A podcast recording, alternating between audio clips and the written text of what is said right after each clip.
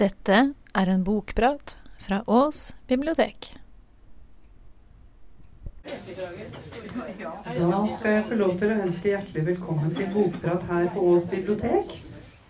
For de som ikke kjenner meg, så heter jeg Lotte.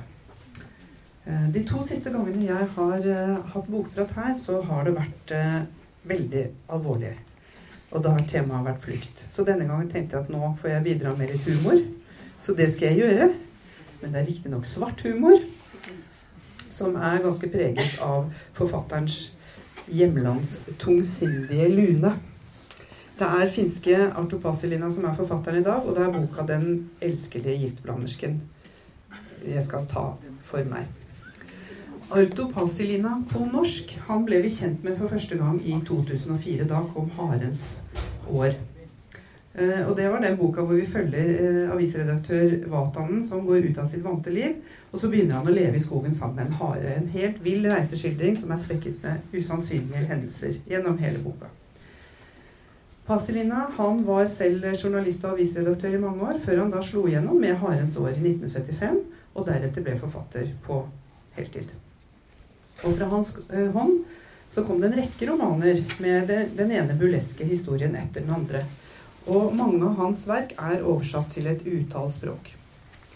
Og de som er oversatt til norsk, de har gjerne kommet 20 år etter utgivelsen i hjemlandet. Og vi har alle sammen her i biblioteket.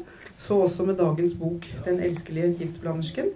Den ble utgitt i 1988 på finsk, og pluss 20, så blir det altså 2008 den kom eh, her eh, eh, i norsk språkdrakt. Vi skal rett og slett begynne med begynnelsen. En trivelig gammel kone i harmoniske omgivelser ute på landet. Sannelig et vakkert syn. På tunet foran et lite rødt torp var spedbygd kvin et spedbygd kvinnemenneske i ferd med å skvette vann fra en gul kanne over et bed med stemorsblomster rett ved stueveggen. Kvitrende taksvaler suste over hodet på henne og opp mot den skyfrie himmelen. Humlene brummet, en lat katt lå og sov på gressplenen. I skogbrynet litt lenger unna sto en liten, grå badstuebygning. Det var ettermiddag, og det oste blå røyk ut av pipa. Ved, siden, ved stien bort til badstua var det en brønn, og på brønnlokket sto det to røde plastbøtter. Tunet var vakkert, gammelt og velstelt. Et par hundre meter unna i sørlig retning kunne en skimte resten av bygda. Enkelte større gårder, et veksthus i plast, et treskehus og flere fjøs. Og på tunene noen rustne bilvrak halvveis dekket av brenneslekjær. Fra bebyggelsen kunne en høre den enerverende lyden av smatrende mopeder, og i det fjerne de jevne dunkene fra et tog. Stedet var den bortgjemte bygda Harmisto i det nordlige Sjundeå, med butikk, postkontor, andelsbank, en rustnende fabrikkbygning og et trettitall årsbruk. Til Helsingfors var det en avstand på 50 km. Den gamle kvinnen bar noen spann vann bort til badstua. Underveis måtte hun rett som det var ta seg en pust i bakken. Vel inne rotet hun i bålet under badstuesteinene og vannkjelen og lukket litt på spjellene. Ved første blikk kunne en tro at kvinnen var her fra bygda, at hun alltid hadde bodd i den røde stua, og at hun nå tilbrakte sine siste, sorgløse leveår i sitt eget lille hus der hun stelte med stemorsblomstene og katten. Men den gang ei. Den gamle kvinnen hadde tynne fingre som var fri for træler. Dette var hender som aldri hadde måttet slite med dagsverk på kornåkrene, og de hadde heller ikke melket omfangsrike krøtterbesetninger i store herregårdsfjøs. Håret hadde hun gredd på byvis. De hvitnende lokkene falt vakkert ned over to spede overarmer. Kona hadde på seg en ren, blå og hvitstripete bomullskappe. Hun så mer ut som en ferierende godseierfrue enn en jordbrukerenke med åreknuter og flassproblemer. I dag hadde hun hevet sin månedlige pensjon på andelsbanken i Harmestad. En skulle tro at en sommerlig lønningsdag som denne ville sette henne i godt humør, men slik var det ikke. Faktisk hadde den gamle kona endt opp, endt opp med å hate utbetalingsdagen, for hver gang hun hevet pensjonen, ble hun nødt til å ta imot en gjeng frastøtende gjester fra Helsingfors. Dette hadde pågått i mange år allerede, én gang i måneden. Den gamle ble aldeles nedstemt ved tanken på tingenes tilstand. Utmattet satte hun seg ned i hagegyngen, tok katten på fanget og utbrøt med trøtt stemme. Herren bevare meg for disse pensjonsdagene. Hun kastet et bekymret blikk mot Bygdeveien, der gjestene fra Helsingfors pleide å melde sin ankomst, og hun fikk lyst til å banne og sverte som et mannfolk, som en grovbarket offiser. Men hun gjorde det ikke, for hun var en kultivert, gammel enkefrue. Blikket hennes ble imidlertid hardere, øynene lyste av et eitrende sinne. Kattehalen busket seg, dyret rettet også blikket mot veien. Den gamle kvinnen gikk mot badstua med sinte skritt, og katten fulgte etter henne på stien. Etter å ha kastet vann på ovnen smelte hun igjen spjellene så det lyset murpuss fra skorsteinene, skorsteinen ned på grytelokket. Denne gamle, sirlige kvinnen var oberstinne Linnea Ravaska med pikenavnet Lindholm, født i 1910 i Helsingfors. Enkefruen hadde mistet mannen sin, oberst Rainer Ravaska, i 1952 samme år som de olympiske leker gikk av stabelen i hovedstaden. Nå var hun pensjonist og bodde her i den lille røde stua i bygda Harmisto i Sjundeå kommune uten andre moderne bekvemmeligheter enn elektrisitet. Hun utgjorde en enkvinnes husholdning og skulle egentlig ikke hatt andre å forsørge enn seg selv og katten. Men lykken ville det ikke slik. Det sto atskillig dårligere til med den gamle oberstinnen. Tre unge og livskraftige lømler raste vestover på Åbo-motorveien i en stjålet rød personbil. De hadde nettopp passert Veikola. Det var ettermiddag og varmt i bilen. Ved rattet satt den yngste av karene, den 20 år gamle Jari Fagerstrøm, ved siden av den ti år eldre Kauko, eller Kake, nysønnen, og i baksetet tredjemann Perti, alias Pera Latela. Han kunne vel være et sted rundt 25. Alle tre var kledd i olabukser og fargeglade T-skjorter med våte svetteflekker under armene og amerikansk universitetsemblem på brystet. På føttene hadde de joggesko, det luktet svette og doven pils i bilen. De unge kjernekarene var på vei til Vesta for å bade badstue. Ved avreisen fra Helsingfors hadde de småkranglet litt om bilen de hadde til disposisjon. Den var jo stjålet. Kauko Nysønnen hadde stilt seg negativt til biltyveriet. Det hadde vært like greit å dra ut på landet med buss. Hvorfor måtte kompisene på død og liv stjele en ny bil hver eneste gang de skulle ut på en litt lengre tur? Den slags dumheter førte bare til enda flere dager med unødig kakebu, og før eller senere måtte de sones. Ren utferdstrang var ikke noen god grunn til å råtne i spjeldet, mente Kake. Men sjåfør Jari Fagerstrøm og baksetepassasjer Perti Lahtela hadde ment at det ville være en blandet fornøyelse å sitte og småputre på bussen i et så varmt vær. Det var tross alt bedre å kjøre personbil når en først hadde muligheten til det. I Veikola-traktene dreide samtalen over på kråkene som trippet avventende rundt i veikanten med noen hundre meters mellomrom. De tre funderte over hva fuglene kunne ha med motorveien å gjøre. Det ble kastet fram to teorier. Ifølge Nysønnen trakk kråkene mot veien for å spise småstein, for de hadde noe i magen som het kråsen, og den måtte visst stadig få tilført grus for at fortøyelsen skulle fungere. De andre lo hånlig og trodde slett ikke på at det fantes noe sånn som kråsen, og i hvert fall ikke på kråker. De mente at åtselfuglene hadde delt opp motorveien i tilsynsstrekninger på noen hundre meter, og at de vågte over sine egne veistykker mens de ventet på en mulighet til å fråtse i kadaveret etter overkjørte smådyr. Kråskaren Kake hadde lidd nederlag i kråkekrangelen, og nå byttet han samtaleemne. Han ba kompisene sverge på at de skulle oppføre seg som folk når de kom fram. Han hadde fått nok av de mange bataljene som gjerne oppsto på disse turene. Og han dem, minte dem om at når det kom til stykket, var de tross alt på vei til hans kjære bestemor på landet. Hun var jo en gammel dame. Det måtte de forstå. De andre trodde Kake var redd for at kjerringa skulle få hjerteslag og dø, stryke med mellom hendene på dem. Så påpekte de at det var nysønnen selv som pleide å dra til Harmisto for å besøke besta og herje og ballere en gang i måneden. I byen gikk det mange historier om svineriet, så skyldfølelsen overlot de til ham. Til dette bemerket nysønnen at Besta i Harmisto faktisk ikke var den ordentlige bestemoren hans. Han forklarte at den gamle kona gamle var kona til broren til moren hans, dvs. Si kona til onkelen, altså en slags tante eller noe sånt. Hun var med andre ord ikke bestemoren hans, selv om hun var forferdelig gammel.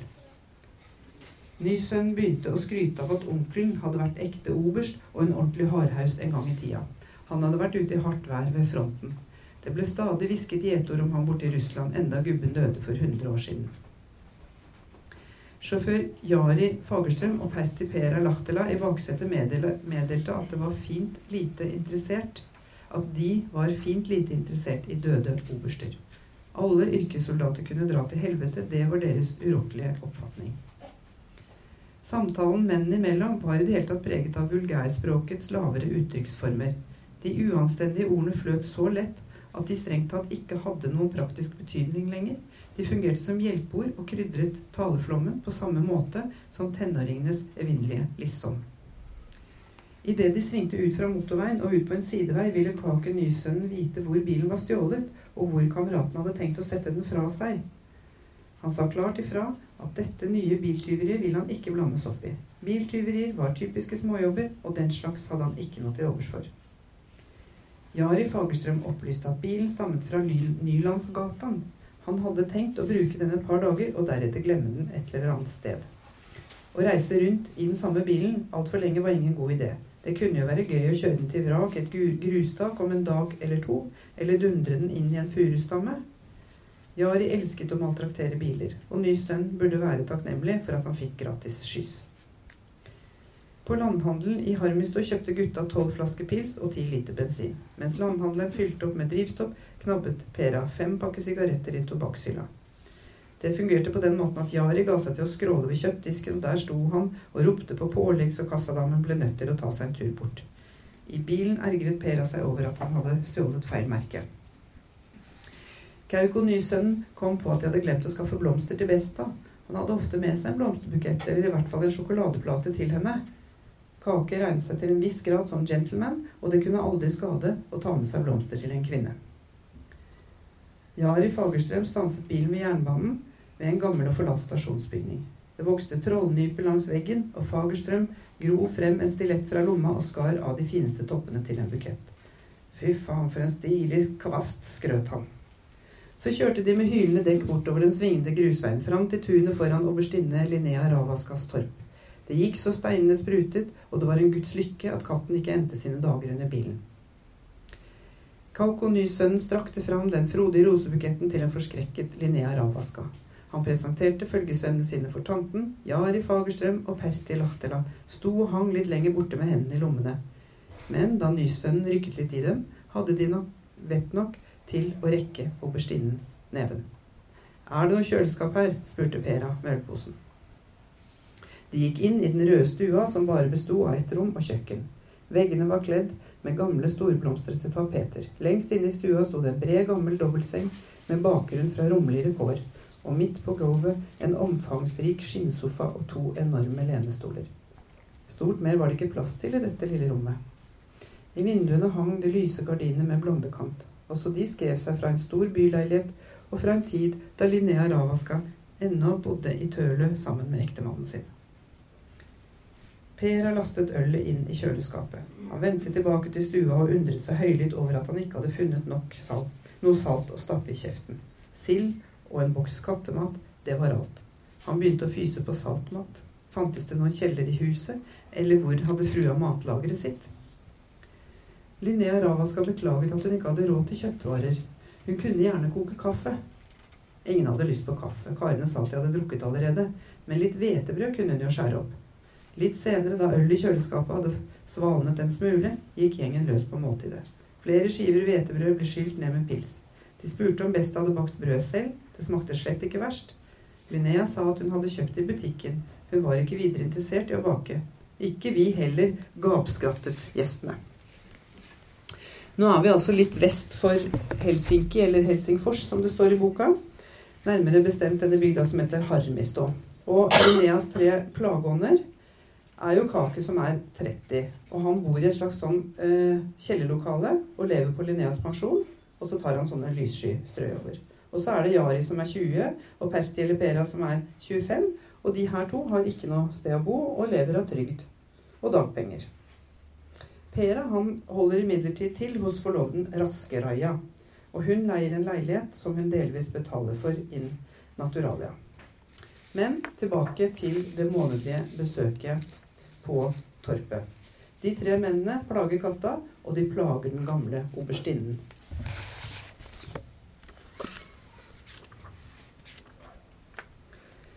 Badstukvelden varte til langt på natt. Karene holdt et svare leven inne i badstuerommet, i omkledningsrommet og utenfor.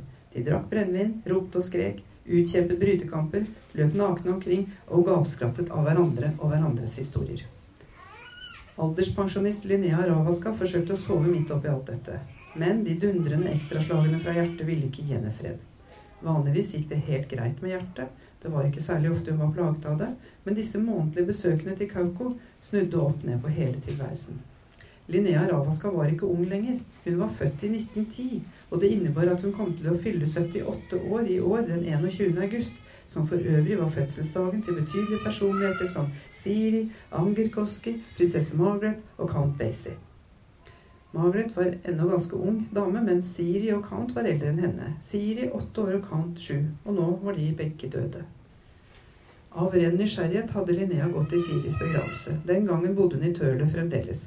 En vakker tilstelning hadde det vært. Så fort tida hadde gått. Livet hadde sust forbi henne som et slag i lufta. Som ungjente hadde hun tenkt at alle over 30 år var gamle. Brått hadde hun selv fylt 30, litt senere 40. Det hadde gjort henne nervøs, og så ble det Rainer. Det var i grunnen en lettelse. Og like etterpå hadde Linnea plutselig vært 50 år gammel. Nesten i samme øyeblikk ble hun 60 og 70 år, og nå nærmet hun seg 80. I denne alderen var årene like korte som månedene hadde vært i ungdommen. De siste hadde gått på to uker. Én uke sommer, én uke vinter. Hvis hun tenkte på denne måten, og liksom gikk framover i realtid, antok Linnea at hun med en viss porsjon flaks ville leve i ti uker til, kanskje mindre.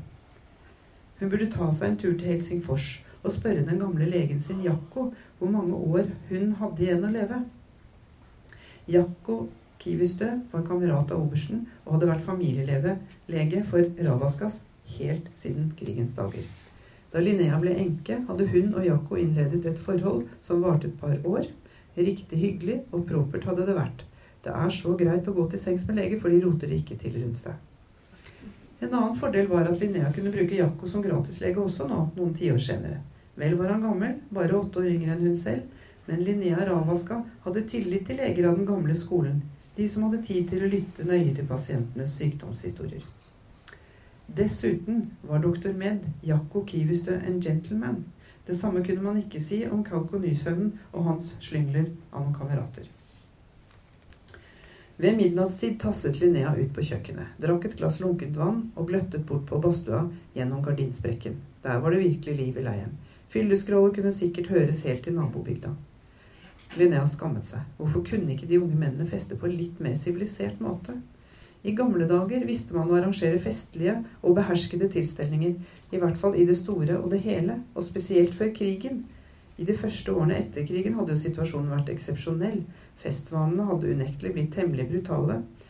Men det skyldtes krigstapene, og ikke at den tidas menn i bunn og grunn var ukultiverte bøller. Like etter krigen hadde det kommet Obert Ravaska for øye for øre at han ville bli anklaget for å ha gjemt unna våpen. Dermed hadde han brukt sine siste slanter på en reise til Brasil, og han fikk en ganske fin stilling i forretningslivet der i landet. Tidligere hadde nemlig general Pavo Talvela, en god venn av oberst Ravaska, også flyktet til Brasil, og han hadde ordnet arbeid til offiserskollegaen ved et lokalt salgskontor for den finske treindustrien. I Finland hadde mange fryktet at russerne skulle raske til seg landet, og det hadde vært på nære nippet også. Linnea husket at Herta Kusinen hadde truet med den slags i full offentlighet. Linnea hadde blitt så skremt at også hun gikk om bord i en båt og reiste over havet til mannen sin i Rio de Janeiro. Akk, for noen fester, du gode min! Av naturlige grunner hadde de ikke vært syndelig velstående, men de forsøkte likevel å lette på trykket fra de tyngende tidene ved å arrangere en og annen sammenkomst der forhenværende europeiske militære kunne møtes. I Sør-Amerika var det noen finske fedrelandsvenner som gjorde seg gjeldende på den tida. Deriblant høyere militærautoriteter som f.eks. Talvela. De fikk selvfølgelig selskap av en mengde tyskere og enkelte ungarere som hadde kjempet på tyskernes side, samt andre som hadde blitt tvunget til å flykte fra Europa da krigen tok slutt. Men ordentlige fascister hadde Linnea aldri truffet, selv om det også gikk rykter om den slags. De verste krigsforbryterne ble da hengt rett etter krigen, og resten gikk vel med i Nürnberg-prosessen. Linnea hadde alltid følt avsky for politiske saker. Hun syntes det var meningsløst å drøvtygge på finnenes våpenbrorskap med tyskerne mange tiår etter krigens slutt. Men det hadde nå vært noen lystige lag, det husket hun godt. Iblant hadde de skutt papirlamper ned fra lysthustaket med pistol, de hadde helt i seg tosifrede antall flasker med vin, det hadde vært fest og jubelballong i flere dager til ende, og så hadde de ligget til sengs og ikke gjort noe som helst i minst like mange dager, helt til det var på tide å ta fatt på arbeidet igjen. Men ingen hadde noensinne ropt og skreket som disse unge mennene i badstua, eller forresten, Eksoffiserene var jo temmelig høyrøstete, men hyle, det gjorde de iallfall aldri. Saken er vel at en alminnelig rekrutt begynner å vræle så snart, snart han har fått i seg en dram eller to, mens en offiser aldri går lenger enn til å brøle om han så har drukket i flere dager. I uthuset holdt vennegjengen det gående med badstubad og fyll. Glørne i ovnen hadde gått ut for flere timer siden. Den nektet å frese uansett hvor mange sleiver med vann døgeniktene slengte over de kalde steinene. Men det merket ikke svirebrødrene noe til. Med sigarett i kjeften og en spritflaske på den nederste benken dasket de hverandre på ryggen med badstuekvaster som var slått tomme for alt som het løp, og de roste Linneas fabelaktige badstue opp i skyene. Innimellom tok de seg en pause ute på tunet. Den mørke midnattsstunden gjorde slynglene mindre, mildere til sinns. Gauk og nysønnen stemte i rene lovsangen til sin storartede tante Linnea, og tilsto at han aldri ville greid seg såpass som han tross alt hadde gjort her i livet, hadde det ikke vært for besta. Han avslørte at Linnea hadde våget ham i søvn da han var liten. Moren hans var nå engang som hun var. Linnea hadde tatt seg av Kauko som om han var hennes egen sønn. Hun hadde jo ingen egne barn med obersten, altså onkelen, dvs. Si Ravaska. Og da han ble eldre og moren døde, hadde han kunnet stole på Linnea, hun hadde tatt ham ut av barnehjemmet sommerstid, hadde gitt ham bra med mat og kjøpt klær og alt mulig. Tenk på det. Dama kom også kom og så til meg på oppfostringsanstalten og hadde med seg all slags godsaker, forklarte Kake. Han var aldeles beveget. Og da jeg ble bura inn første gangen, da sendte Linnea pakker og penger mange ganger. Og det sier jeg dere at ei sånn bestemor kan dere to bare drømme om. Kake begynte å fortelle en lang historie fra ti år tilbake. Han hadde vært så uheldig å mislykkes i et kupp det hadde ikke vært annet enn motgang hele tida. Det hadde seg slik at og kameratene sa oppgitt at jo da, den saken kjente de til. Kaka hadde minnet dem på den minst tusen ganger, og alltid når han var full. Det dreide seg om en underslagssak som hadde utviklet seg til et ran, og hadde gått til helvete på alle tenkelige måter. Kaka hadde visst gått fra konseptene på kontoret en kveld etter arbeidstid, slått to mennesker halvt i hjel og forduftet med et bytte på noen tusen mark.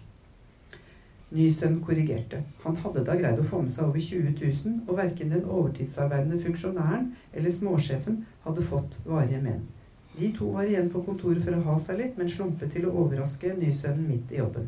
I prinsippet burde de ikke hatt noen innvendinger, men menneskene er nå engang ikke til å stole på, og særlig ikke mennene. Kaka hadde brukt pengene på en riktig munter rangel til Stockholm og København. Turen hadde vart i to uker, og det hadde gått så vilt for seg at han ikke husket noe som helst av det hele i etterkant. Men i lommene hadde han funnet billetter og barregninger som ga en pekepinn om hvor han hadde vært. På et eller annet vis hadde han haltet seg tilbake til Helsingfors, skjelvende og blå i bakfylla. Han hadde ikke andre trygge tilholdssteder enn Linneas kåk i Karloniusgatan i Tølø. I grunnen et ganske trivelig reir, fullt av alle slags gamle byster og malerier og store lenestoler, og med blondegardiner i vinduene og i entréhjørnet en påle av flammebjørk med en Mannerheim-statue på toppen. Den skulle forestille marsken et sted i nærheten av Tammerfors under borgerkrigen, med kikkert på magen og en hvit pelshatt på hodet. I mellomtida hadde kuppet til nysønnen kommet for en dag. Ofrene hadde identifisert ham og tatt kontakt med Linnea. Erstatningskravene var helt hinsides, og så hadde folka til og med truet med å gå til politiet. Et sånt oppstuss for noen skarve blåmerket, det var ikke til å tro. Kameratene kjente slutten på historien også. Linnea Ravaska hadde nok en gang reddet sin avdøde manns nevø ut av en knipe. Hun hadde forhandlet og inngått avtaler og lov, lovte å hjelpe Kake ut av glemma denne gangen også. Siden det så ut til at gutten ville få flere år bak murene med mindre hun betalte en stor sum i erstatning.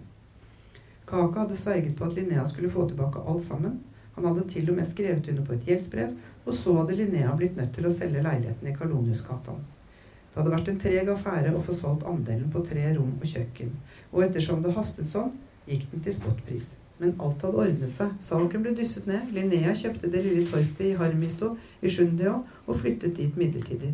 Hun skulle bare bo der til Kalko nysønnen hadde betalt tilbake det han skyldte henne.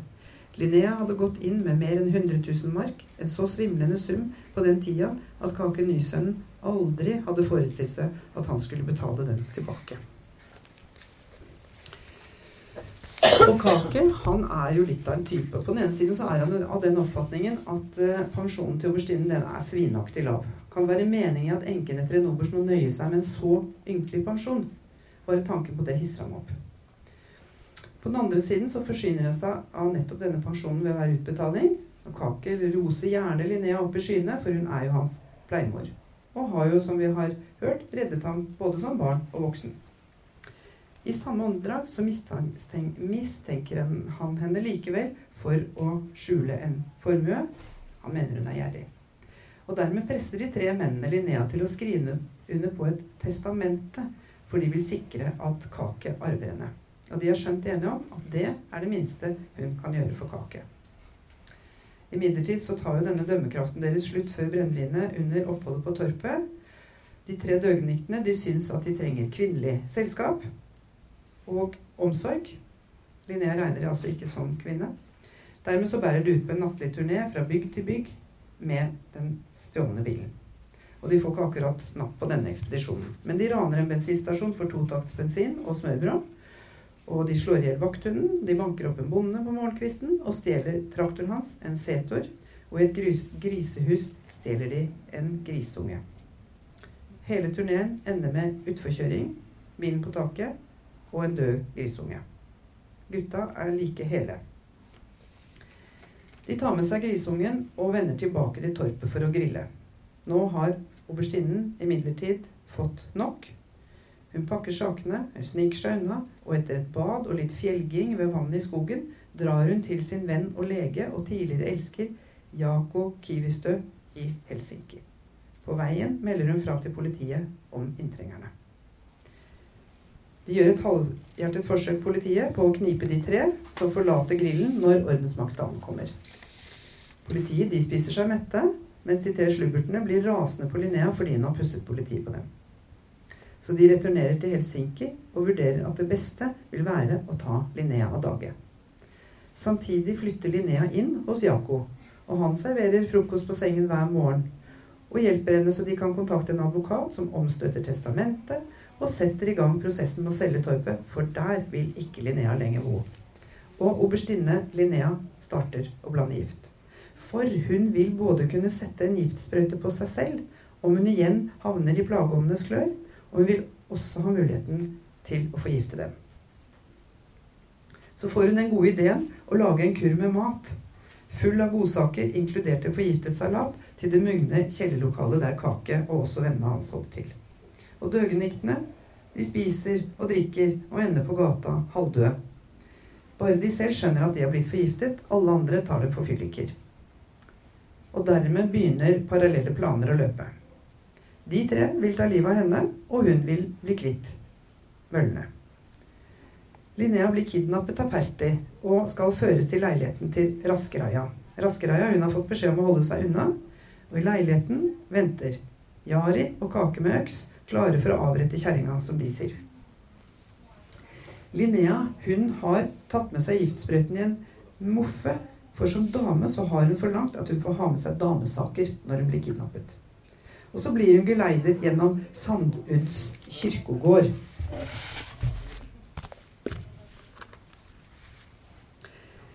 Linnea klagde over at hun var sliten i bena. Hun måtte få hvile seg litt. Persti Lahtela ble irritert og sa at det ikke var langt igjen til Eriksgata. Snart var de i Lappviken, og derfra var det bare å gå bort Gresviksgata, så var de fremme. Men Linnea fortsatte å beklage seg, og til slutt måtte Lahtela fresende gå med på å ta et øyeblikks hvilepause på en av benkene på kirkegården. Linnea tørket av setet, mumlet for seg selv at disse duene gjorde fra seg overalt også. Perti Lahtela ville ikke ødelegge olabuksene sine med duemøkk.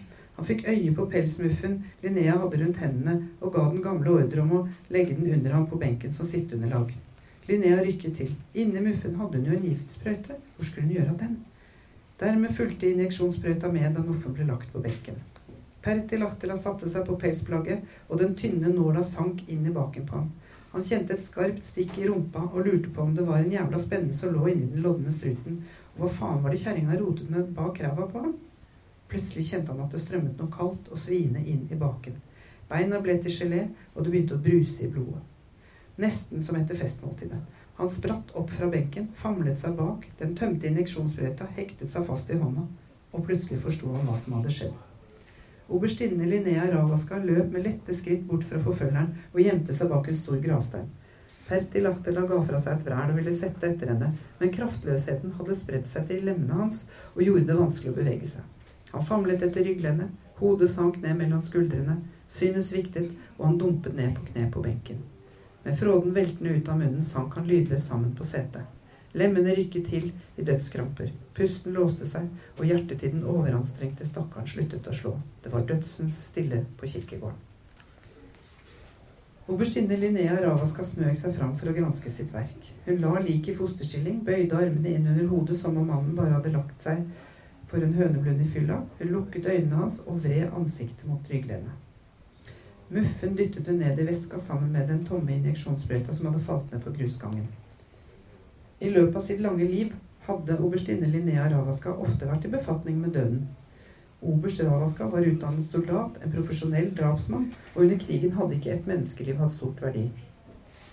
Likevel måtte hun konstatere at døden venner man seg aldri til. Den unge, brutale mannens plutselige bortgang gjorde henne både skamfull og lettet. Gudskjelov, du fikk nå din lønn likevel. Og sånn fortsetter det. Slabbedaskene legger smarte planer, men Linnea outsmarter dem gang på gang. Hvordan det hele ender, det skal jeg ikke avsløre. Men den videre handlingen inkluderer den russiske marinen, bryllup og gjensyn med Brasil. Og gjetterordet en liten fremtidsrapport fra helvete. For som forfatteren påpeker, påpeker dit forvises hver eneste representant for det finsk-ugriske folk fra evighet til evighet.